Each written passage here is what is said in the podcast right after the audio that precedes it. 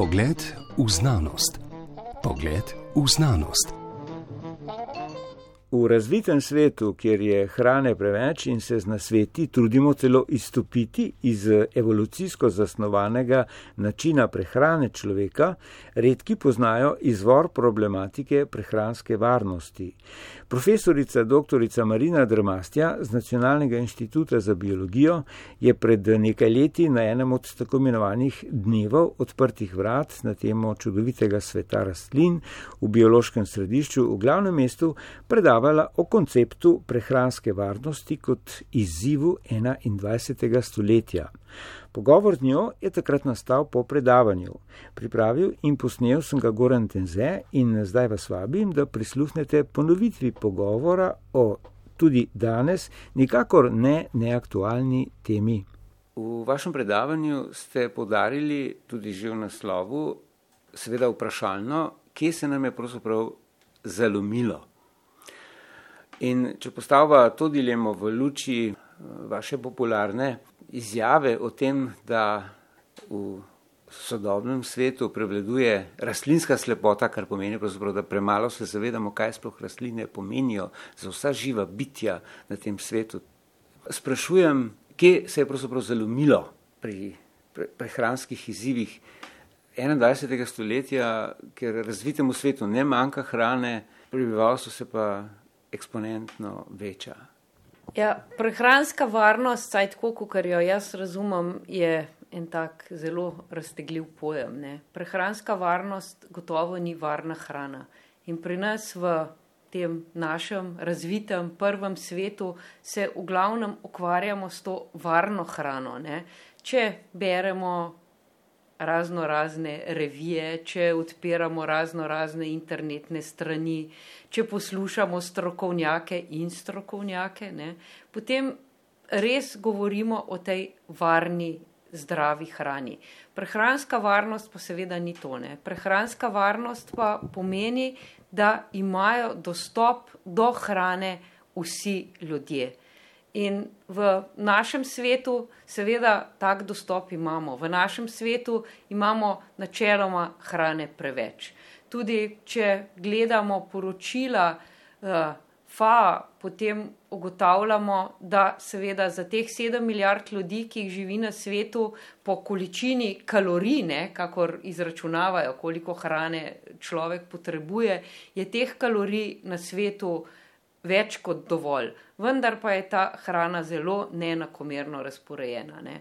To, da smo mi prehransko varni, ne pomeni, da je zelo, zelo velik del našega sveta pod mejo tega zadovoljivega uh, prehranskega minimuma. In zaradi tega, ker se mi ukvarjamo predvsem z našim intimnim delom te prehranske varnosti, enostavno spregledamo, da je to globalni problem, za katerega smo večinoma krivi povsem sami. Zdaj, če se vrnemo zelo nazaj v zgodovino, potem lahko rečemo, ne, da se je ta kmetijska revolucija začela nekako pred deset tisoč leti, ko so naši predniki vzgojili prve prehranske rastline. In seveda njena glavna posledica danes je ta, da je ljudi enostavno za ta planet preveč. Ne. Trenutno nas je sedem milijard in nekako če zračunamo, ne glede na to, kakšni bodo trendi, ne, ali se bo nadaljevalo z isto rastjo, ali se bo vse skupaj upočasnilo, oziroma da bo trend popul eh, populacijske rasti celo padal, nas bo okrog leta 2050 9 milijard. In 9 milijard prehrant je zelo veliko. Zdaj, tukaj je vprašanje po razlogih za to neenakomerno razporeditev obstoječih količin pridelane hrane.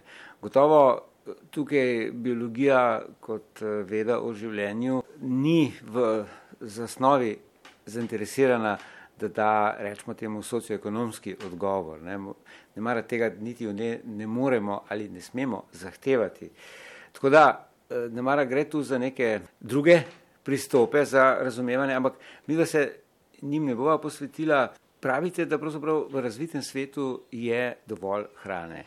Omenili ste v svojem predavanju tudi to možnost, ki se jo lahko preizprašuje, kako bi rešili problem premajhne prehranjenosti z redistribucijo te hrane. Ampak očitno tudi to ne gre.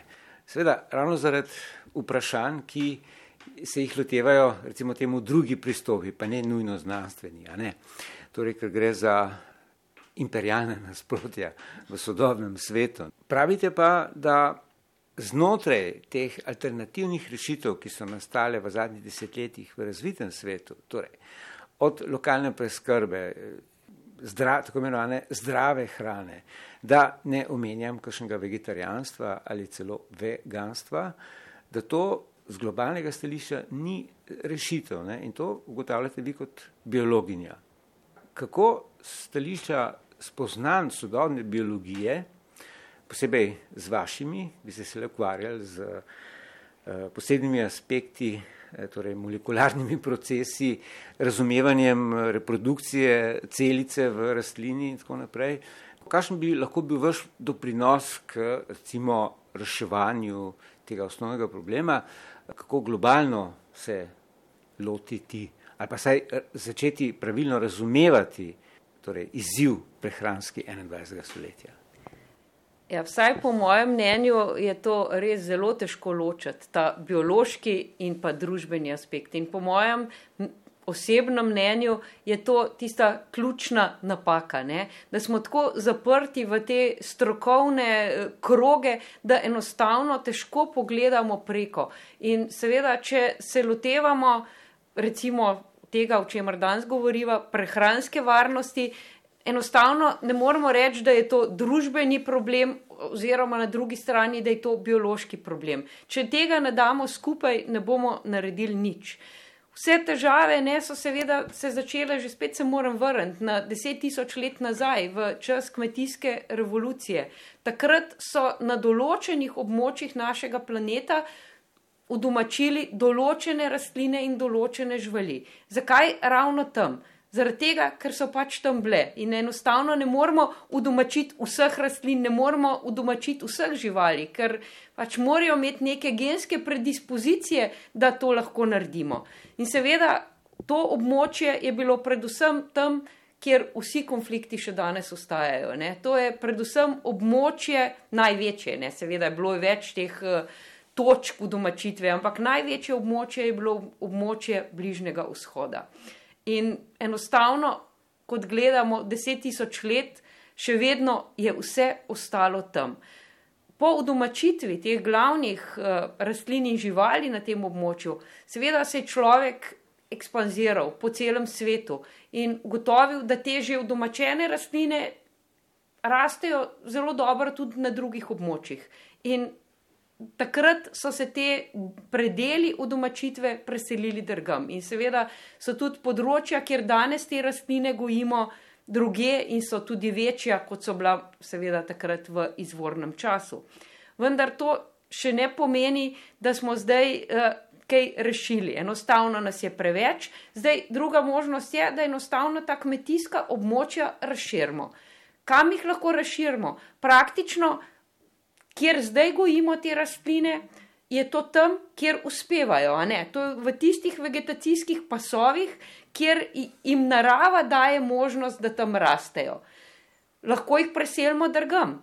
To se danes dogaja. Ne? Recimo, da imamo požgati v Afriki, kjer so ti problemi z lakoto največji, da imamo požgati savano, na teh območjih posaditi te rastline, ki jih gojimo za hrano. A gre, ne gre. Zaradi tega, ker enostavno vegetacijsko območje tam tega ne omogoča. Je presuho, je premalo vode, eh, zemlja je slaba, posejemo nekaj pač sezon, eh, tisto, kar želimo, potem se zemlja izčrpa, gremo naprej. Požigamo. Tudi za vprašanje vnosa tujerodnih, recimo, navajate v predavanju primer. Eh, tega afriškega jezera, kjer so nilskega ostriža naselili, ja, to... ki je uničil eh, vse živelj v jezeru, tem ogromnem vodnem rezervoarju. Ja. In uh, potem, ja. ker je bolj masten, prej, pre, prvotnega so sušili ja. na soncu, ta je pa bolj masten, pa so ga mogli potem žgati oziroma ja. smoditi. Ja. In so posekali vse živo zeleno, torej kar je raslo v okolici, potem je prišlo do erozije. Ja. Ja. Recimo ta primer Nilskega ostriža je en tak res vzorčnih primerov, kako delamo na robe. Seveda niso nizkega ustriža v 50-ih letih iz prvega sveta, ne v ta tretji svet, prenesel zaradi tega, da bi bilo ljudem tam bolje.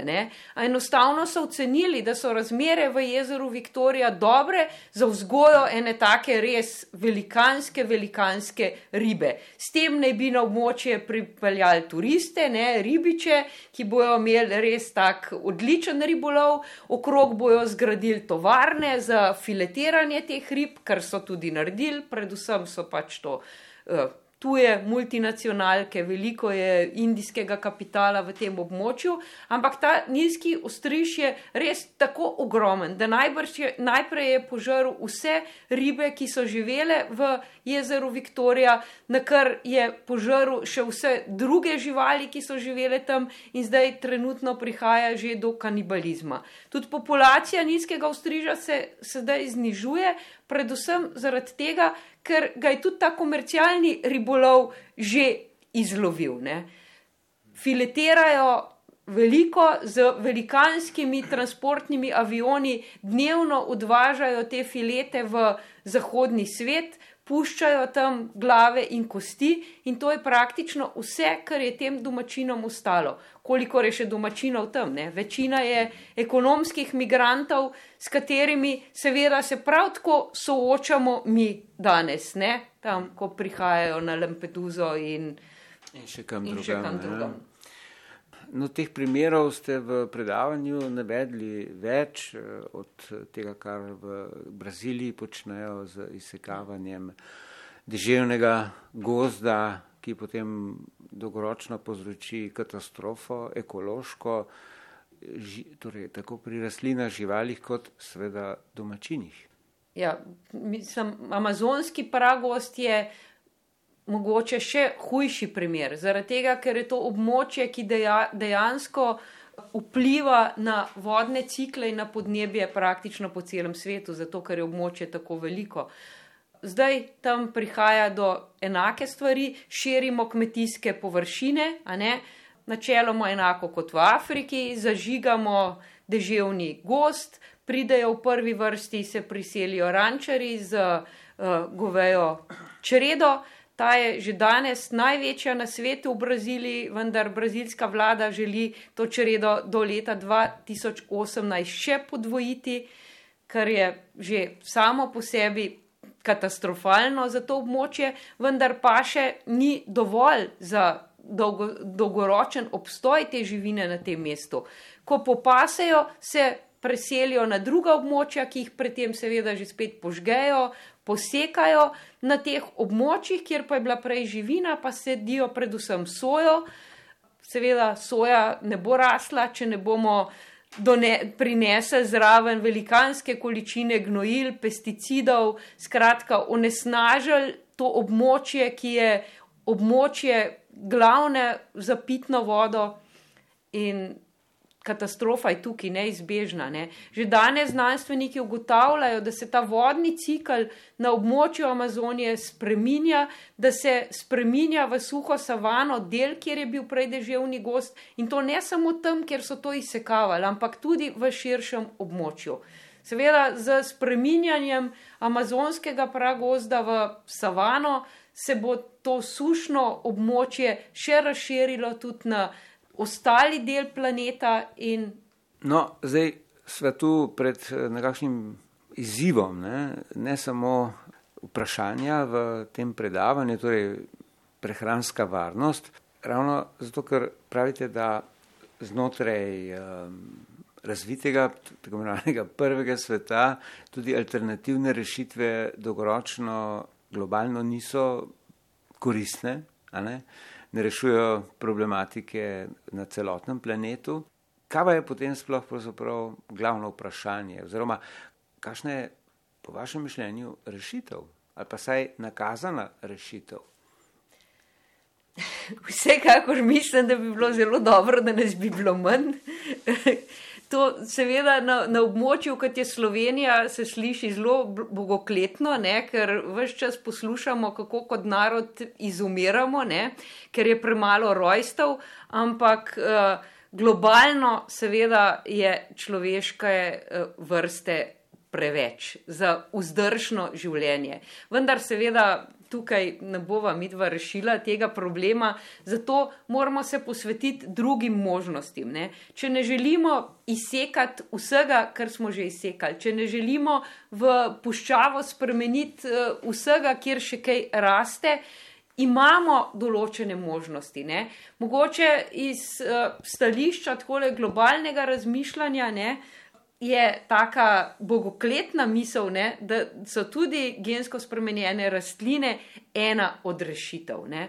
Seveda, če bi te šle v smer, kot bi bilo pravilno, ne. danes trenutno stvari stojijo nekoliko drugače, ne. večino gensko spremenjenih rastlin ne, v nasprotju z ljudskim verjetjem ne, gre za krmo živine. Vendar, če bi res vzgojili rastline, ki bi bile odporne na sušo, ki bi imele res dobro prehransko vrednost, ki bi bile polne vitaminov, zaradi katerih ne bi bilo potrebno uporabljati toliko pesticidov, ker bi bile odporne na škodljivce, potem seveda je to ena od možnih rešitev. Na lokalni ravni lahko govorimo o samooskrbi, lahko govorimo in seveda mislim, da ni nobenega razloga, da v Sloveniji ne bi bili samooskrbni. Ne?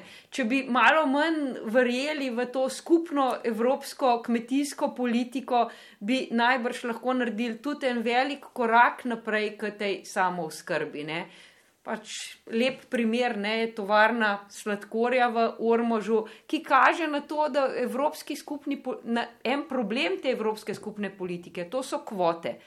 Kar pomeni, da določene države lahko po tej politiki določene pridelke pridelujejo, določene pa tega ne morejo. Ne? Sladkorno peso smo gojili, bili smo praktično samo v skrbni, uh, eh, zdaj bi jo lahko izvažali, ker je uh, poraba sladkorja tako močno padla, ampak ne. Mi smo morali podreti našo tovarno, zato ker Slovenija, ker si naši slovenski politiki niso izborili kvote v tej porabi sladkorja, tako kot si je recimo Poljska, ki je prišla v Evropsko unijo praktično v istem času kot mi.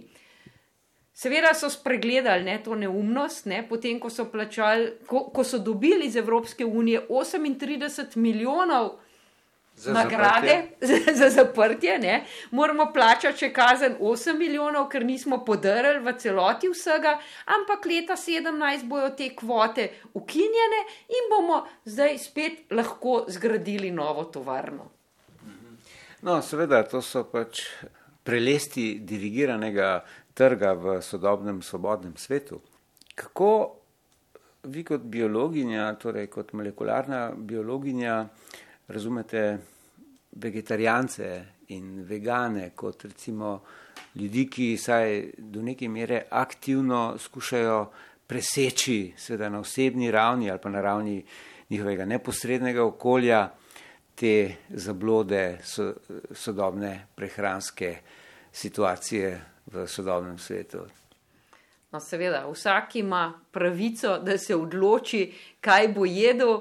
Od eh, stališča, stališča človeka, biologije, biologije človeka, in prehranskih izzivov. Ja, iz stališča človeka uh, mislim, da pač smo narejeni kot omnivori, se pravi, da uh, jemo vse, vendar uh, moramo biti pozorni na to, koliko vsega. Ne?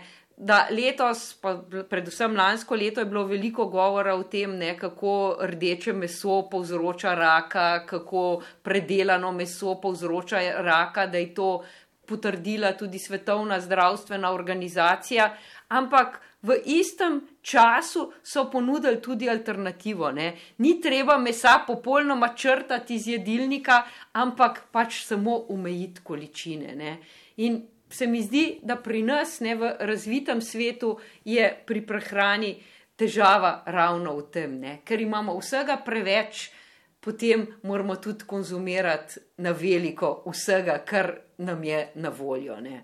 Če bi pač bili zmerni, če bi uh, uživali vseh živil v primernih količinah, mislim, da je to gotovo najbolj zdravo življenje.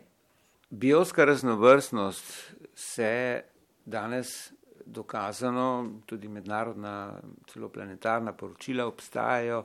Nedavno, zdaj konca aprila, je bilo spet neko objavljeno, ki je zbralo štu, povzetke študij.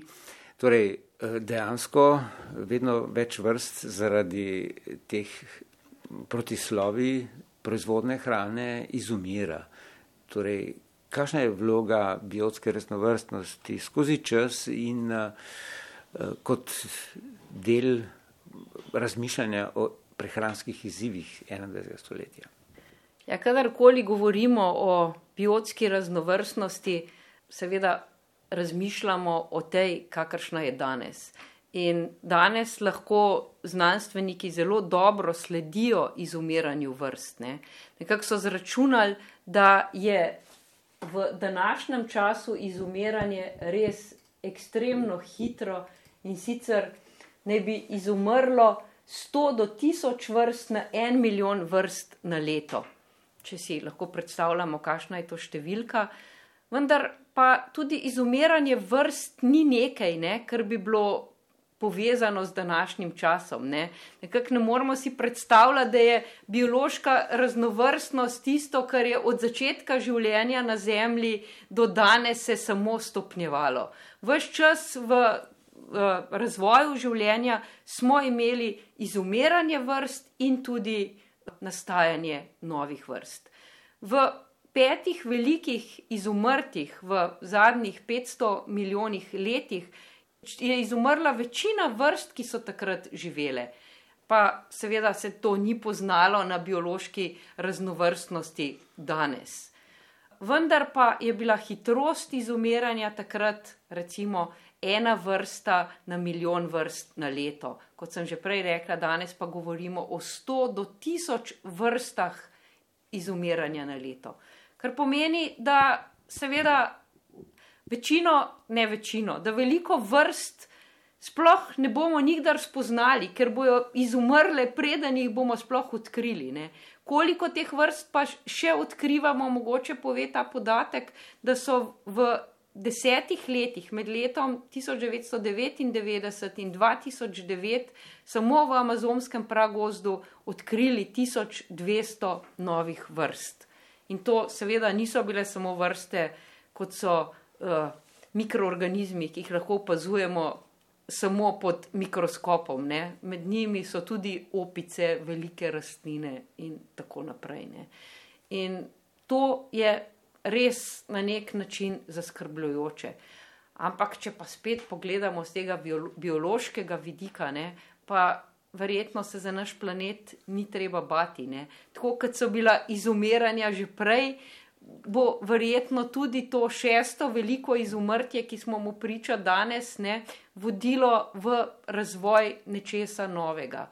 Z nami, če bomo pametni, ali pa tudi brez nas, če seveda bomo nadaljevali z vsem, kar delamo trenutno. Ne.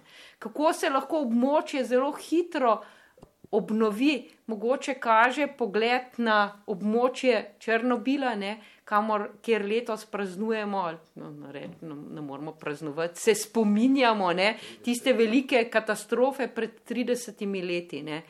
Še, še pred Črnobilom enostavno tam ni bilo več volkov, ni bilo več bizonov. Te živali so se odselile pač zaradi delovanja človeka na tem območju.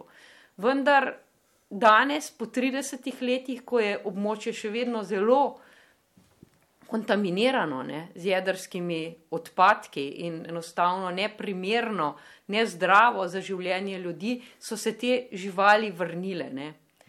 In raziskovalci pravijo, ne, da seveda ni dobro ne, jedrsko sevanje za nobeno živo bitje, ampak očitno je manj hudo, kakor vse, kar človek na določenem območju počne. Bi lahko torej nekako povzela, da je največji prehranski izziv 21. stoletja najbolj invazivna vrsta na planetu, torej Homo sapiens. To pa definitivno drži. Vendar pa očitno z našim razvojem, z razvojem naših možgan, smo očitno edina vrsta, ki lahko na nek način ukrepa. Verjetno imamo še čas, ne, da bomo premislili in delovali v pravi smeri. Ampak, kot sem rekla, ne, če ne bomo, planet zaradi nas gotovo ne bo propadel. Ne. Profesorica dr. Marina Dermastija, hvala za tale vaše razmišljanje. Prosim.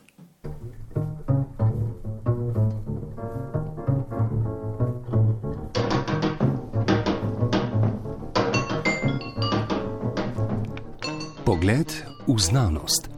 Pogled v znanost.